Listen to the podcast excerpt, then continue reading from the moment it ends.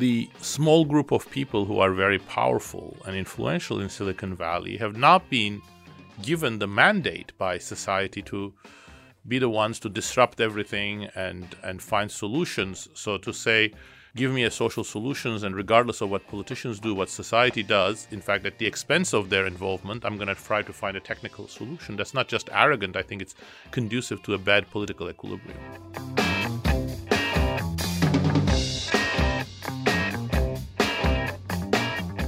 ברוכים הבאים למרקרים, פודקאסט סוף השבוע של דה מרקר. ההזדמנות שלכם לקחת פסק זמן ממחזור החדשות היומיומי ולצלול איתנו לאירועים, לאנשים ובעיקר לארונות מאחורי החדשות. כאן באולפן איתכם כבדי שבוע, גיא רולניק.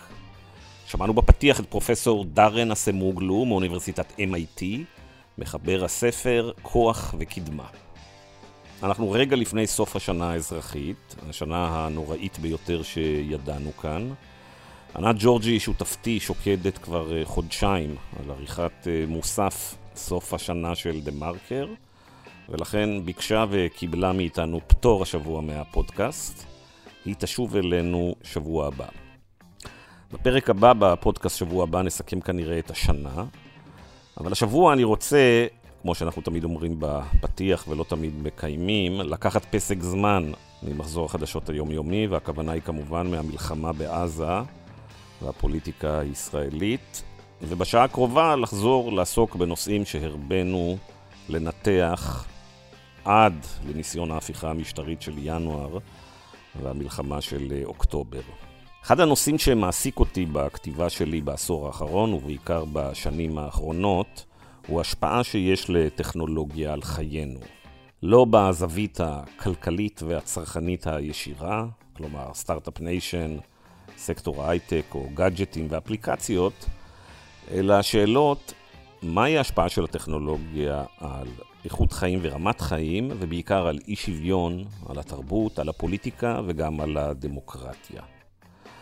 לפני כחצי שנה חברו יחדיו אה, שני כלכלנים שאני מאוד אה, אוהב ומעריך את עבודתם, דארן אסמוגלו וסיימון ג'ונסון, שניהם מאוניברסיטת אה, MIT, וכתבו ספר נהדר בדיוק על הנושא של טכנולוגיה וחברה. שמו Power and Progress, כוח וקדמה. אני מאוד ממליץ על הספר, יש בו גם ניתוחים אה, אמפיריים מהמחקרים שלהם ושל אחרים על השפעת הטכנולוגיה על החברה במשך מאות שנים, וגם ניסיון לשרטט המלצות מדויקות לסוג המדיניות שאנחנו צריכים לגבש כדי להפוך את העולם למקום טוב יותר. כמו שחלק מהמאזינים אה, יודעים, בשנה האחרונה אני יוצר יחד עם העיתונאי ואיש הטלוויזיה אבי זילברברג אה, שורה של סרטים דוקומנטריים שיעלו בקרוב כסדרה בתאגיד השידור הציבורי. הסרטים האלה הביאו אותי אה, בין השאר בסוף החודש שעבר לקיימברידג', מסצ'וסטס, ולאחר שבוע של צילומים ניצלתי את הביקור בבוסטון כדי לשבת לשיחה ארוכה עם פרופסור אסמוגלו, לדבר על הספר החדש שלו. אז השיחה בפודקאסט אה, היום אה, מובאת אה, באנגלית, כמעט ללא קיצורים ועריכה. לפני שאפנה אל הראיון, אני רוצה רק להזכיר, למי שלא מכיר, שאסמוגלו הוא אחד מעשרת או חמשת הכלכלנים המצוטטים והנחשבים ביותר בעולם בעשור האחרון. הוא קיבל כבר לפני 18 שנה את מדליית ג'ון בייטס קלארק, שזה אות הניתן לכלכלן מתחת לגיל 40, שהשפיע הכי הרבה במחקריו או במחקריה אה, על תחום הכלכלי. אה, מי שמקבלת את מדליית קלארק נחשבת בדרך כלל כמועמדת אה, מובילה לקבל את פרס נובל בהמשך. אבל אסמוגלו הוא שונה מרוב הכלכלנים בכך שהוא לא רק שקוע במודלים תאורטיים או במחקרים אמפיריים שמבוססים על מתודולוגיות מורכבות ולכן עוסקים בנושאים מאוד מאוד ספציפיים ונישתיים, אלא ככזה שמאוד מתעניין במציאות כאן ועכשיו ובמדיניות כלכלית וחברתית, מנסה להסתכל על דברים בצורה מאוד אה, רחבה. הוא מרבה לכתוב ספרים, וכמה מספריו נחשבים פורצי דרך, והיו גם בסלרים. אחד המפורסמים ביותר uh, שלהם, שיצא לפני כעשר שנים, הוא Why Nations Fail, מדוע uh, מדינות uh, נכשלות, גם ספר מאוד מומלץ.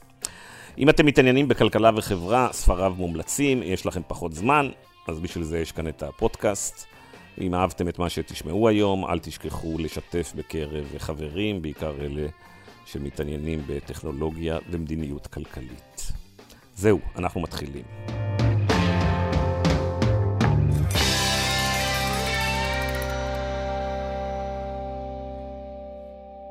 Hello, Daron.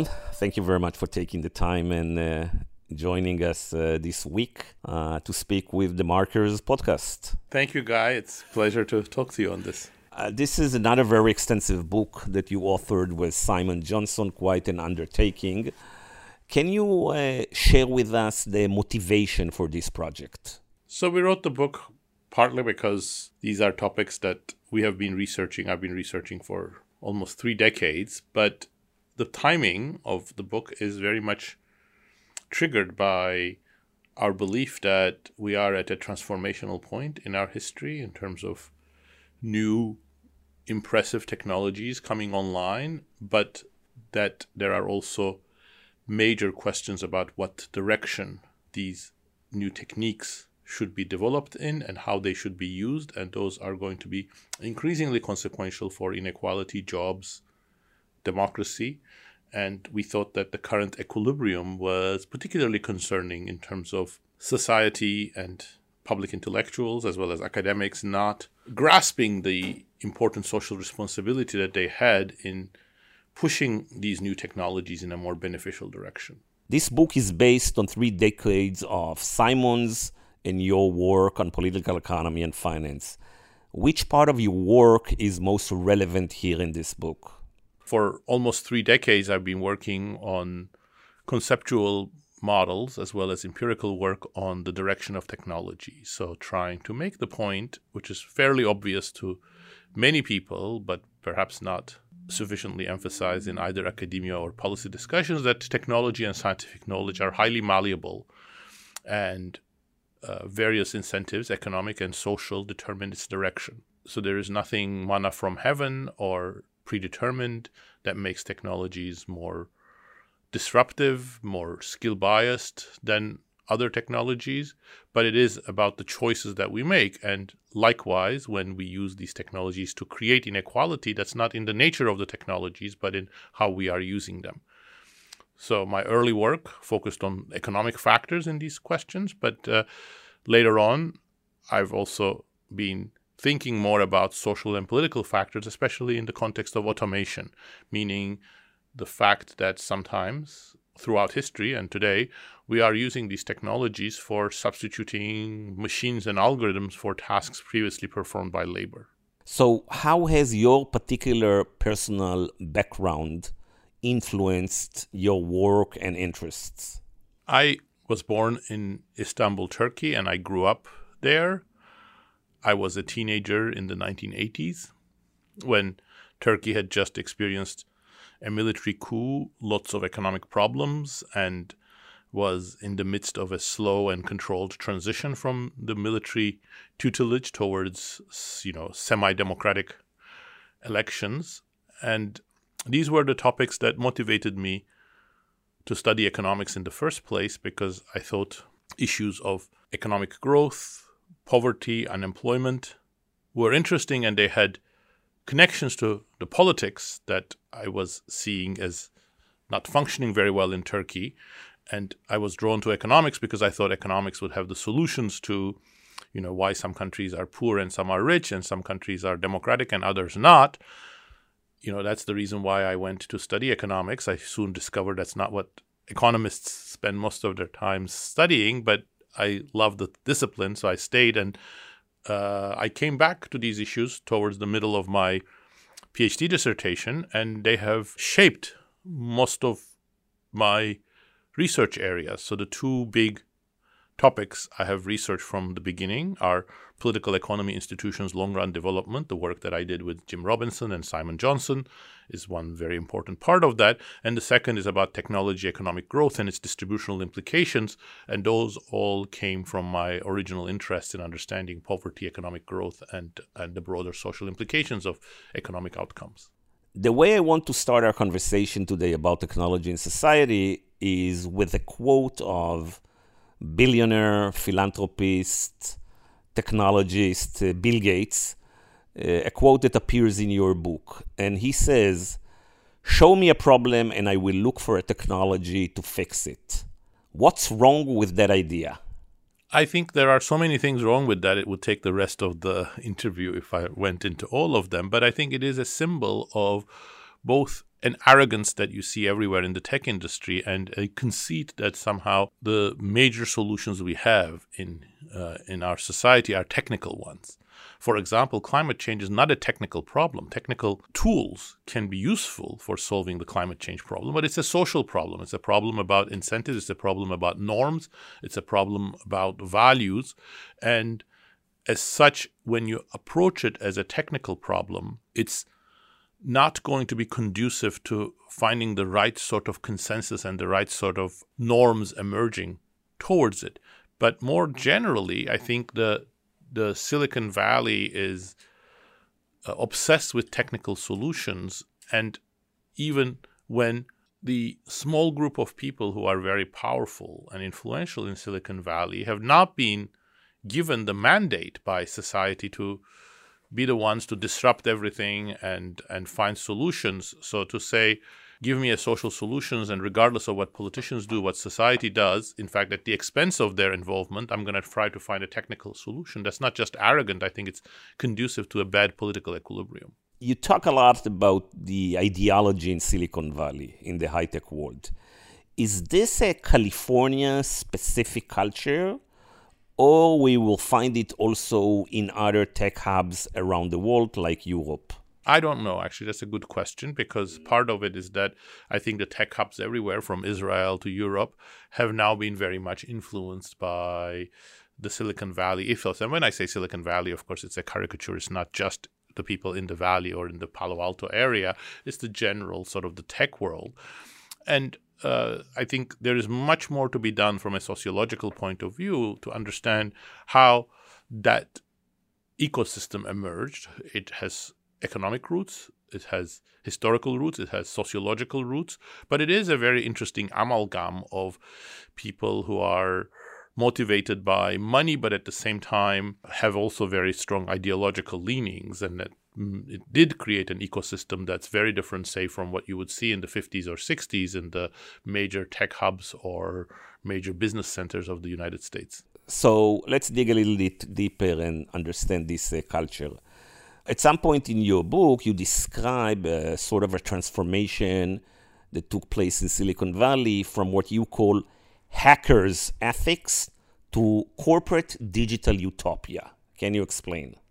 Well, you know, people who were early innovators and enthusiasts in the area of the digital technologies were far from uniform. There were very different ideas, preoccupations, and I think the same is actually true even more so when it comes to AI, as we also discuss in the book.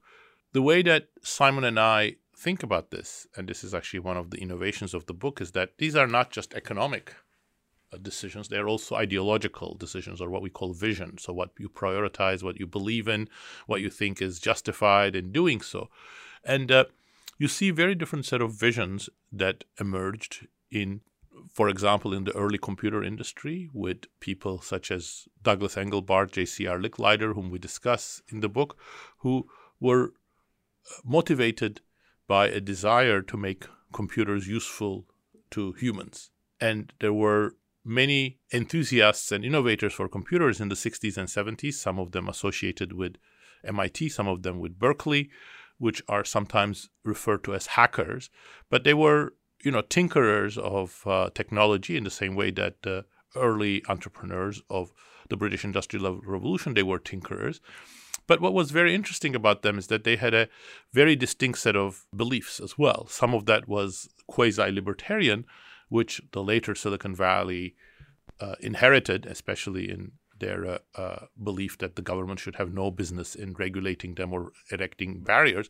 But they also believed very strongly in using computers in order to decentralize economic decisions, create more voice for the people. So they actually thought computers, especially personal computers, would be a very powerful tool in the hands of the people, in the hands of workers, in the hands of citizens.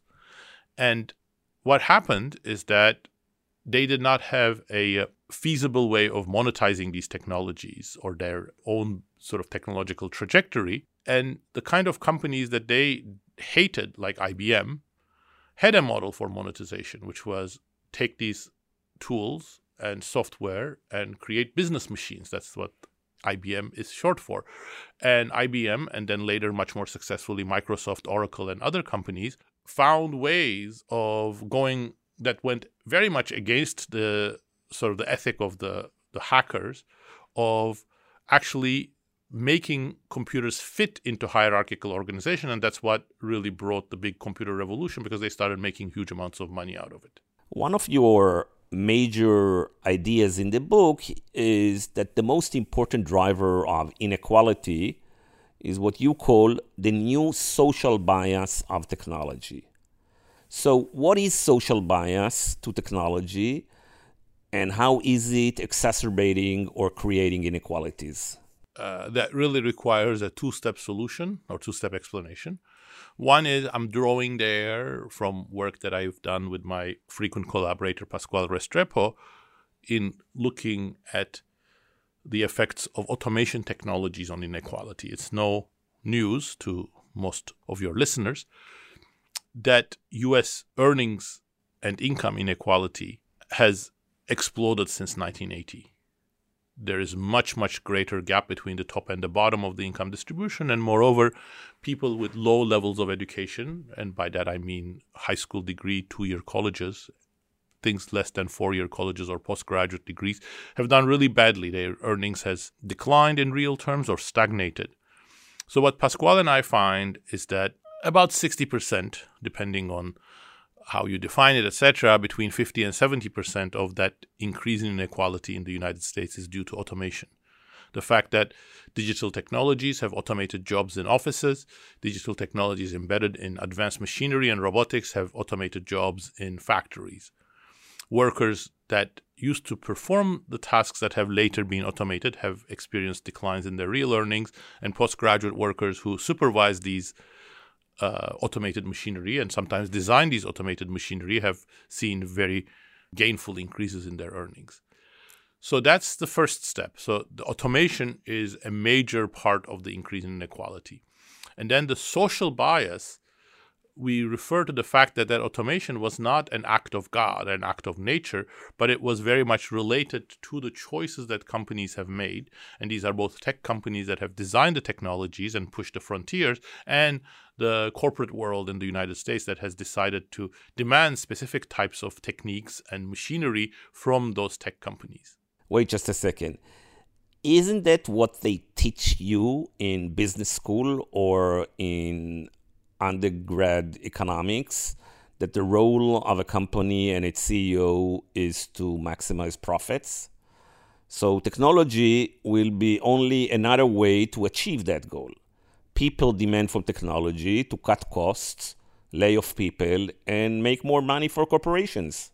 Well, I'm glad you say that because, yes, that's exactly what US business schools do teach. In fact, I have a paper on that, which finds that CEOs that who go to business schools in the US and Denmark do exactly that. They cut wages or they don't let wages grow, whereas non business school CEOs have wages of their workers grow at the same rate as profits and income.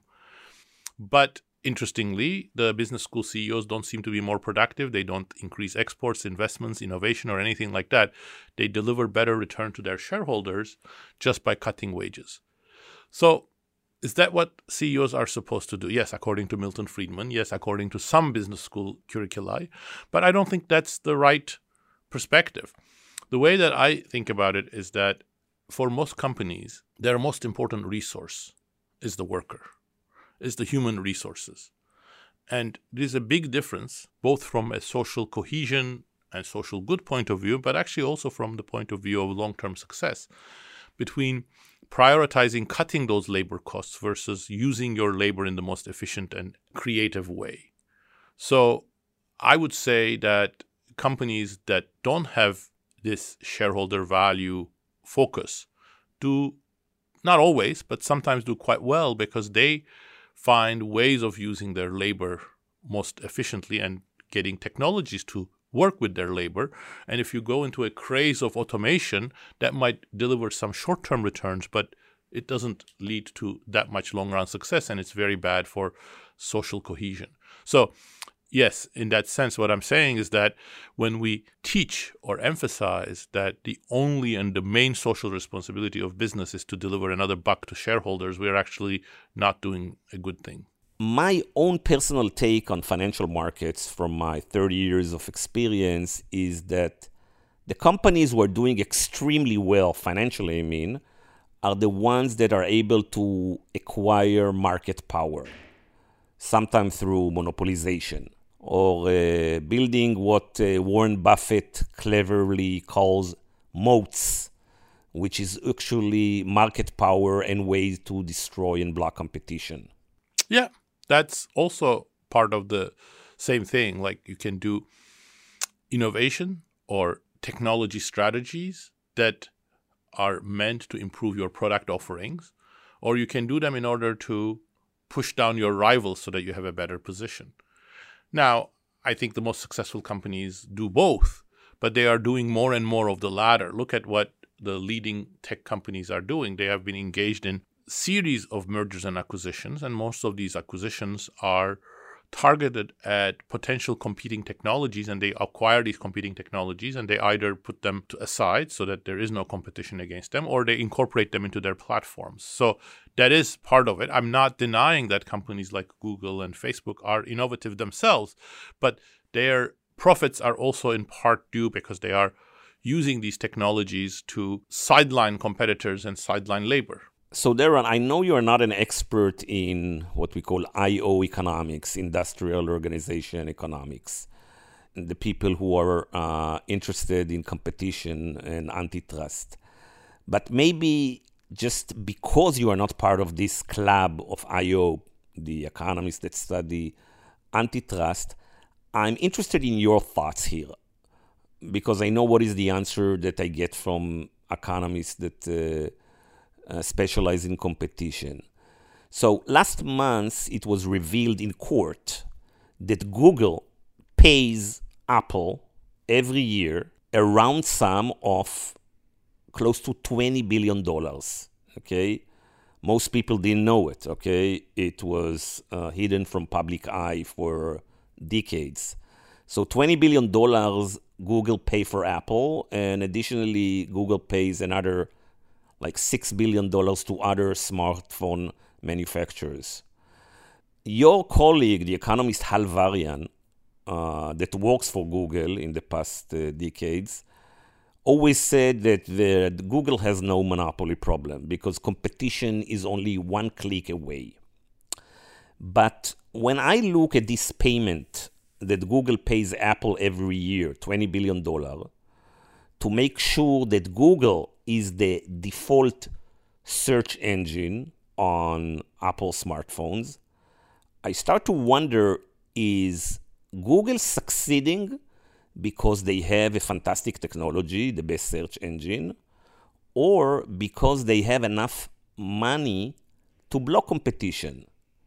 They did start with a superior product and technology, a search engine, but at some point they just developed schemes to block competition, like this sort of bribe that they are paying every year to Apple to block other search engines. What do you think? Yeah, I think uh, probably reality is somewhere in between in this specific example that you've mentioned.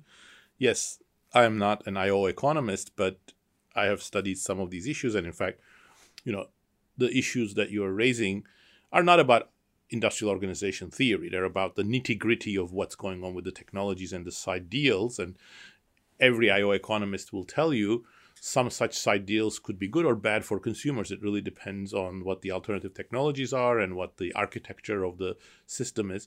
So I think the history of this is that Google's search engine was clearly quite a bit better than all the alternatives when it came out.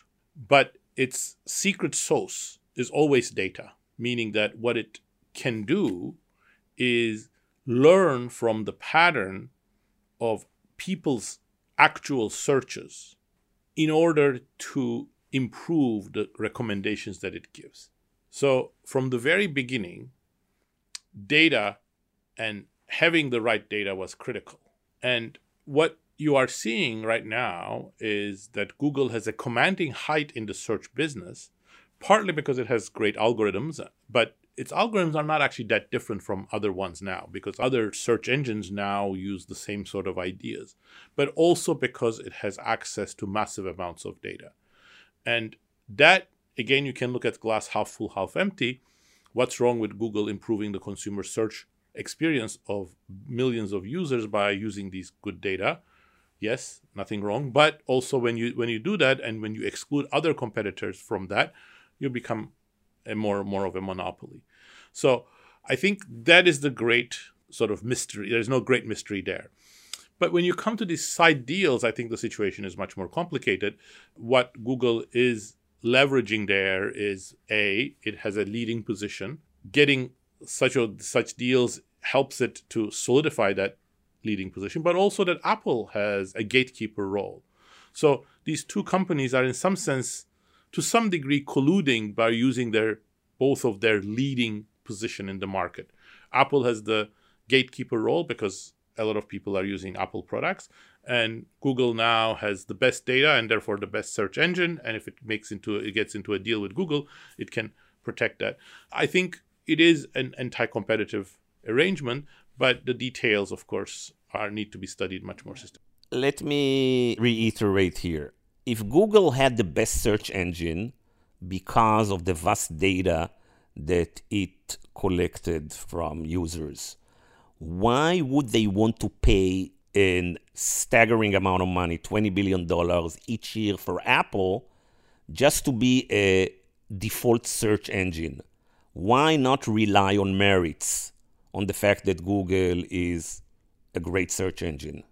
Because if you monopolize the market, you're going to get even better data and you're going to have even better uh, deals. So the problem is that if you have a industry, and this actually applies to AI as well, where there is a winner take all element, even if you have some lead, you are very vulnerable because some of the potential competitors are going to try to undercut you by trying to get even more data or make other innovations. And that's what I was referring to that many of the today's giants are benefiting both from the fact that they are innovative, but also they are benefiting from the fact that they are adopting strategies like acquisitions, like the side deal between Google and Apple, that sidelines rivals. Okay, let's move to technology and democracy. Uh, this gets much attention uh, throughout your book. I was delighted to see that you quote uh, the media scholar Neil Postman in your book, particularly when he talks about the different ideas of censorship put forward by George Orwell and Aldous Huxley.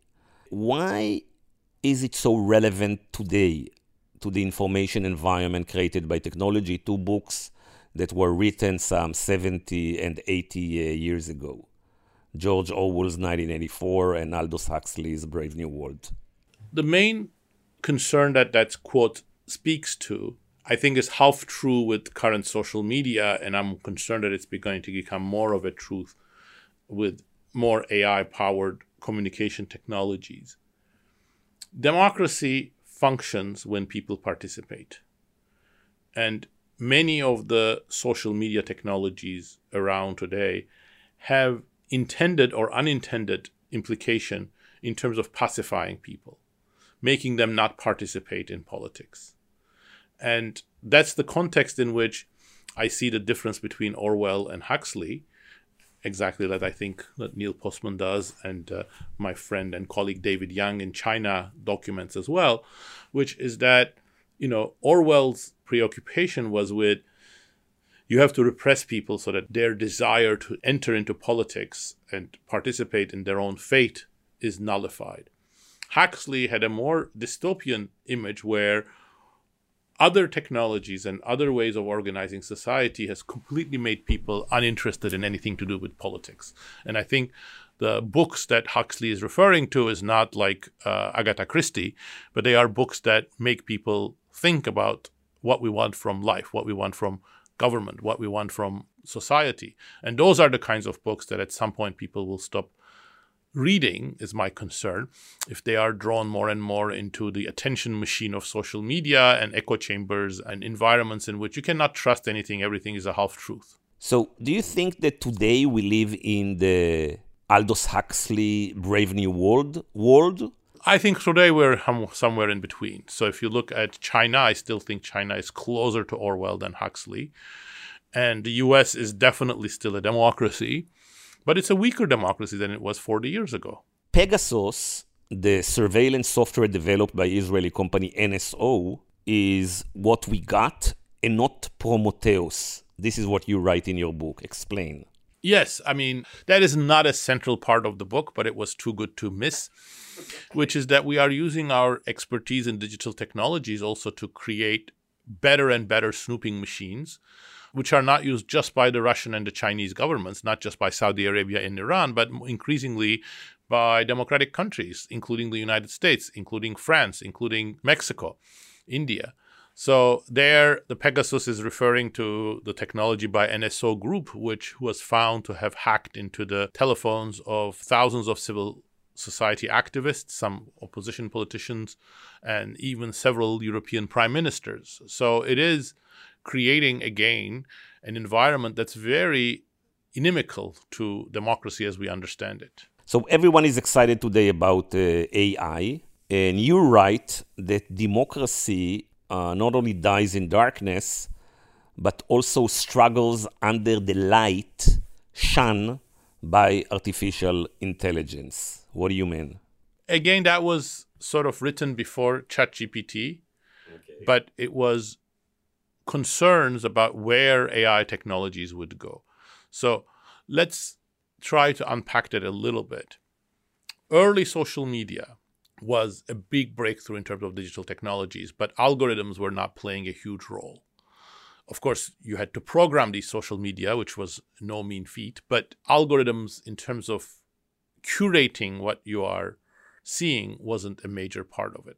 I think the second phase of social media, which became much more pernicious, when, was when algorithms started doing several things at the same time. One is curating your feed so that they could maximize your intense engagement via emotional triggers, political outrage, or insecurities. And at the same time, they became better and better at monetizing your personal data by sending you individualized digital ads. Those are the facts that we discuss in chapter 10 of the book. Was that AI? Well, some people will call what those algorithms was, were doing already AI because they were using advanced machine learning.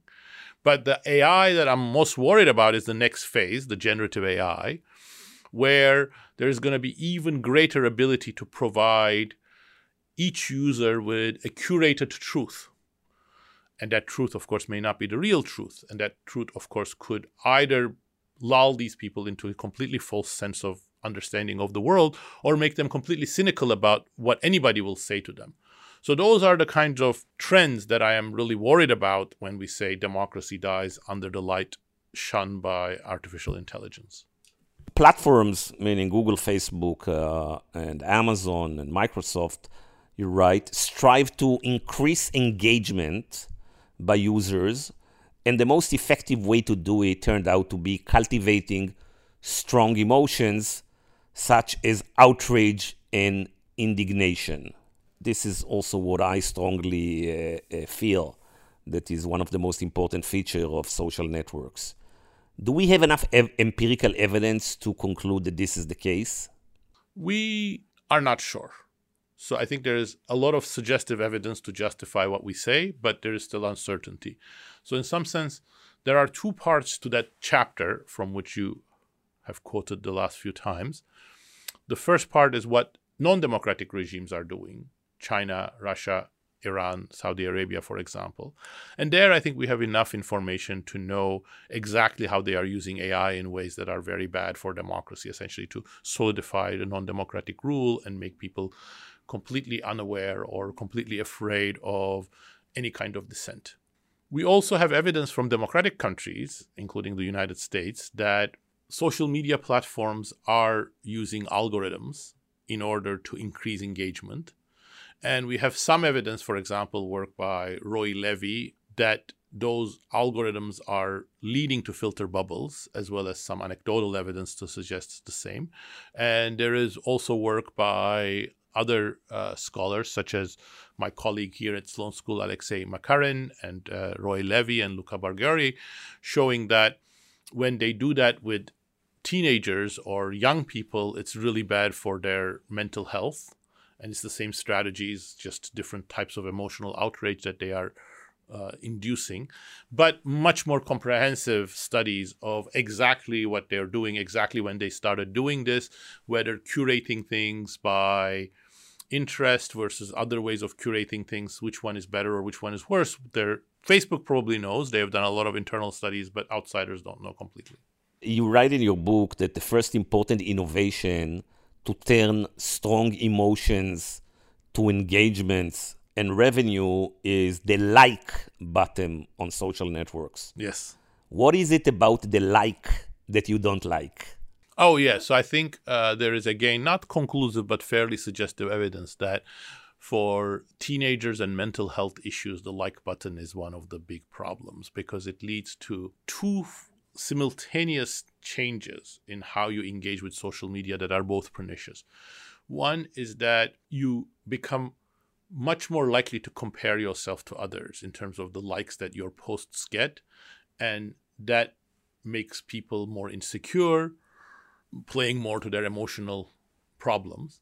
And second, the like button also makes you engage more because now you're trying to make posts and continuously check whether you're getting the likes or not. So it actually increases the level of engagement. So the like button has been a huge profit getter for Facebook and then other social media platforms that have copied it. But I think its mental health implications have not been very good. You write that from the early days, Facebook played with people's psychology to achieve its objective.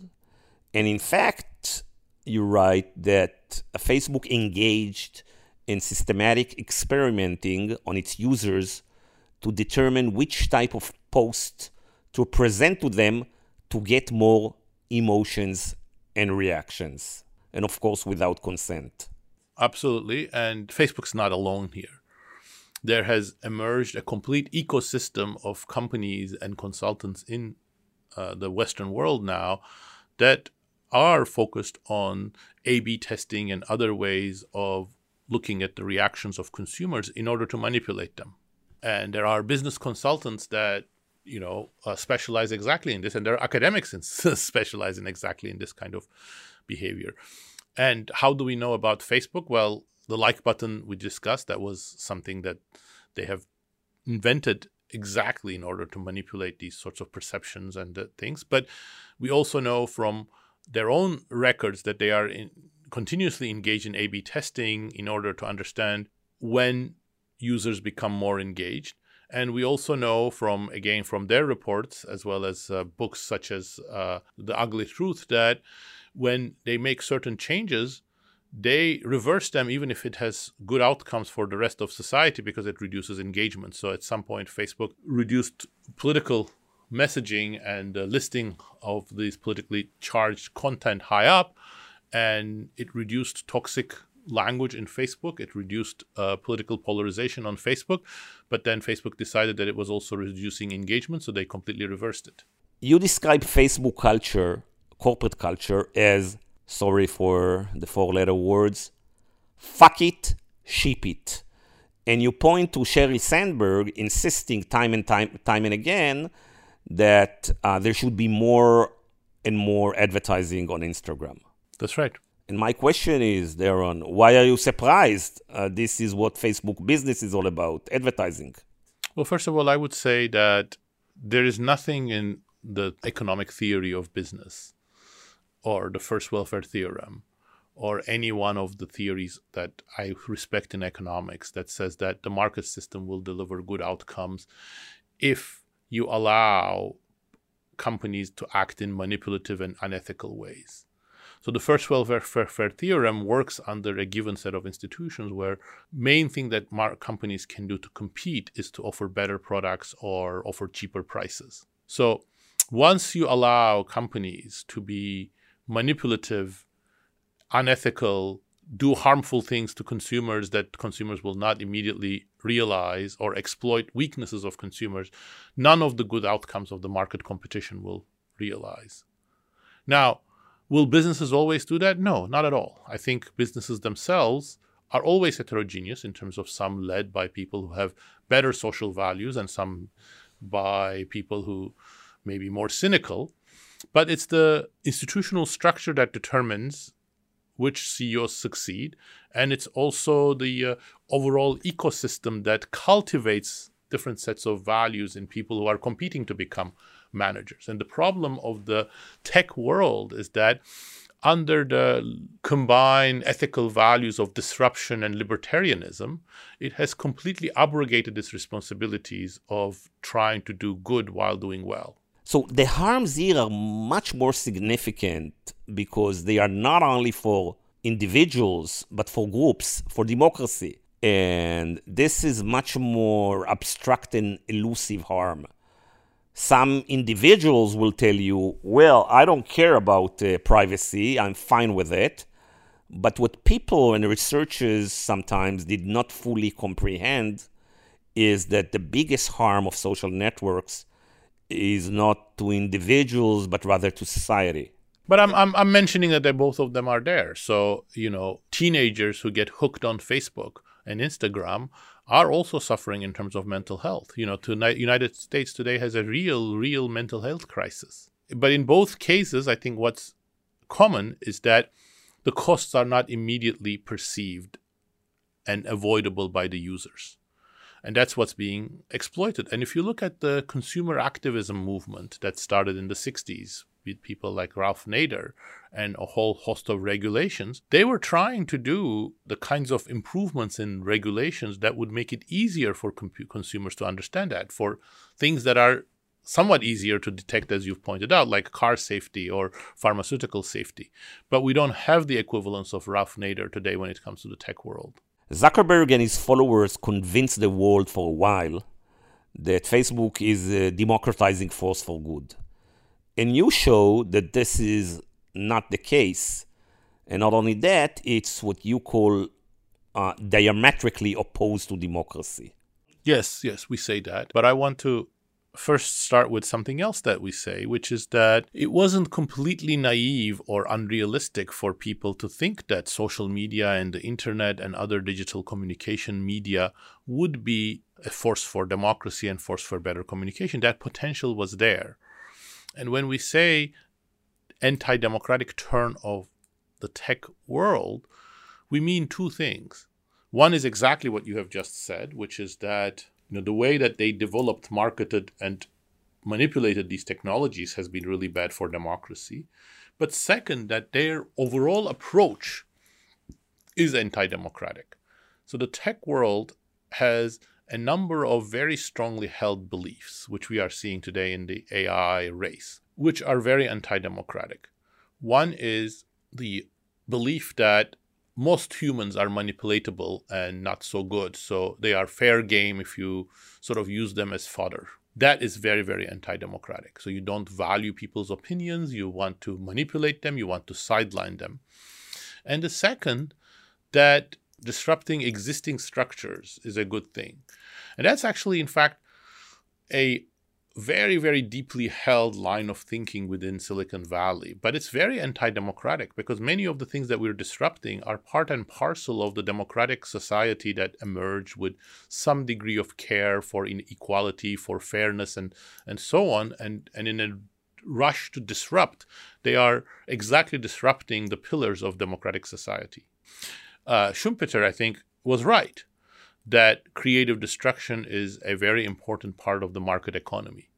And I think his followers are also right that if you block creative destruction, you're going to sacrifice a lot of economic growth. But he was also wrong or underappreciative of how damaging that creative destruction can be. So if you take a very extreme Schumpeterian position, you'll say the Luddites were the biggest barrier to progress, and it was great that they were crushed. How were they crushed? By the way, the uh, Britain sent more soldiers to fight the Luddites than it sent to many foreign wars.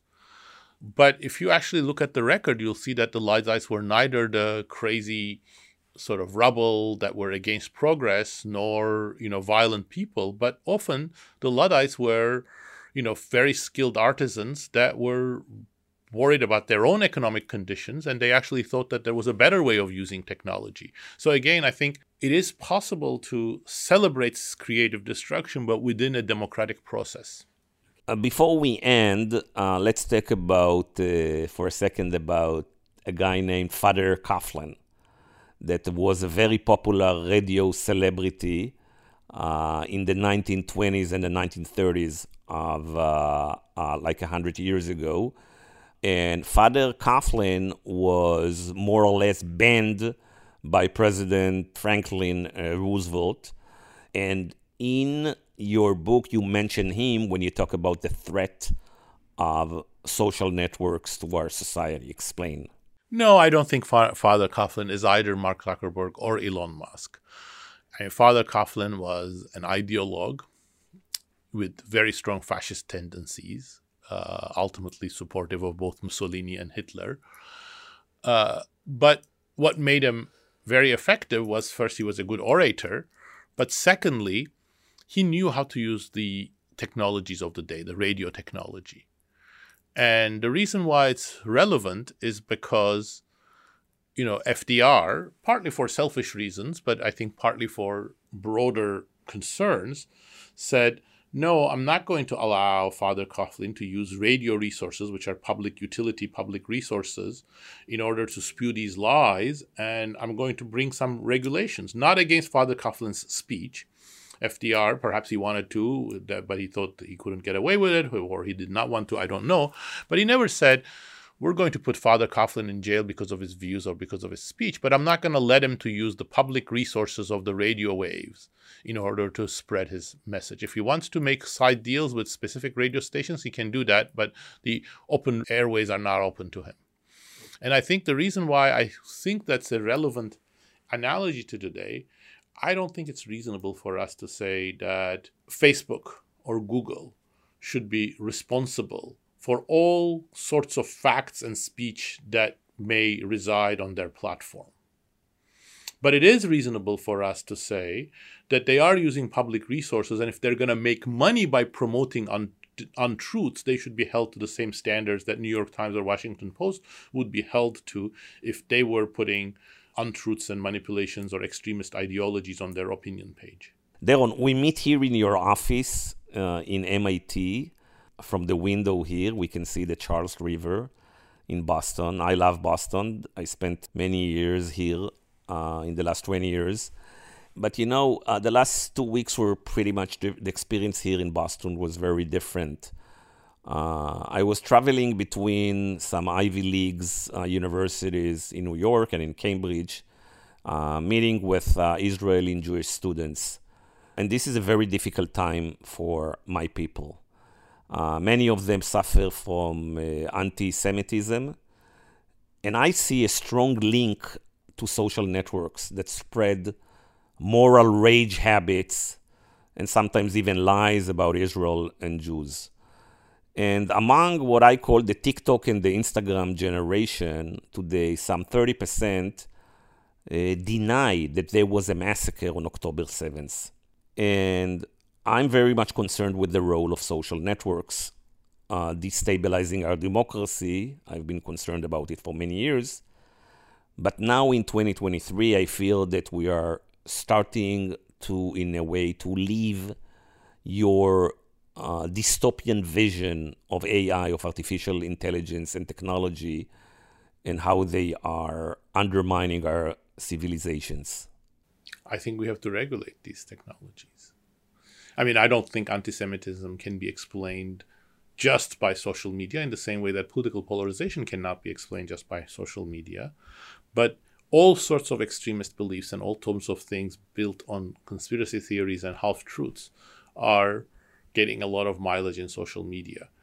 And if we were writing this book today or chapter 10 today, we should have done much more research on TikTok because, you know, the role that Facebook was playing in the late 2010s in terms of a prime website for young people, emotional engagement, etc. Now TikTok has started playing that. Daron Acemoglu, thank you uh, so much for joining the Markers podcast.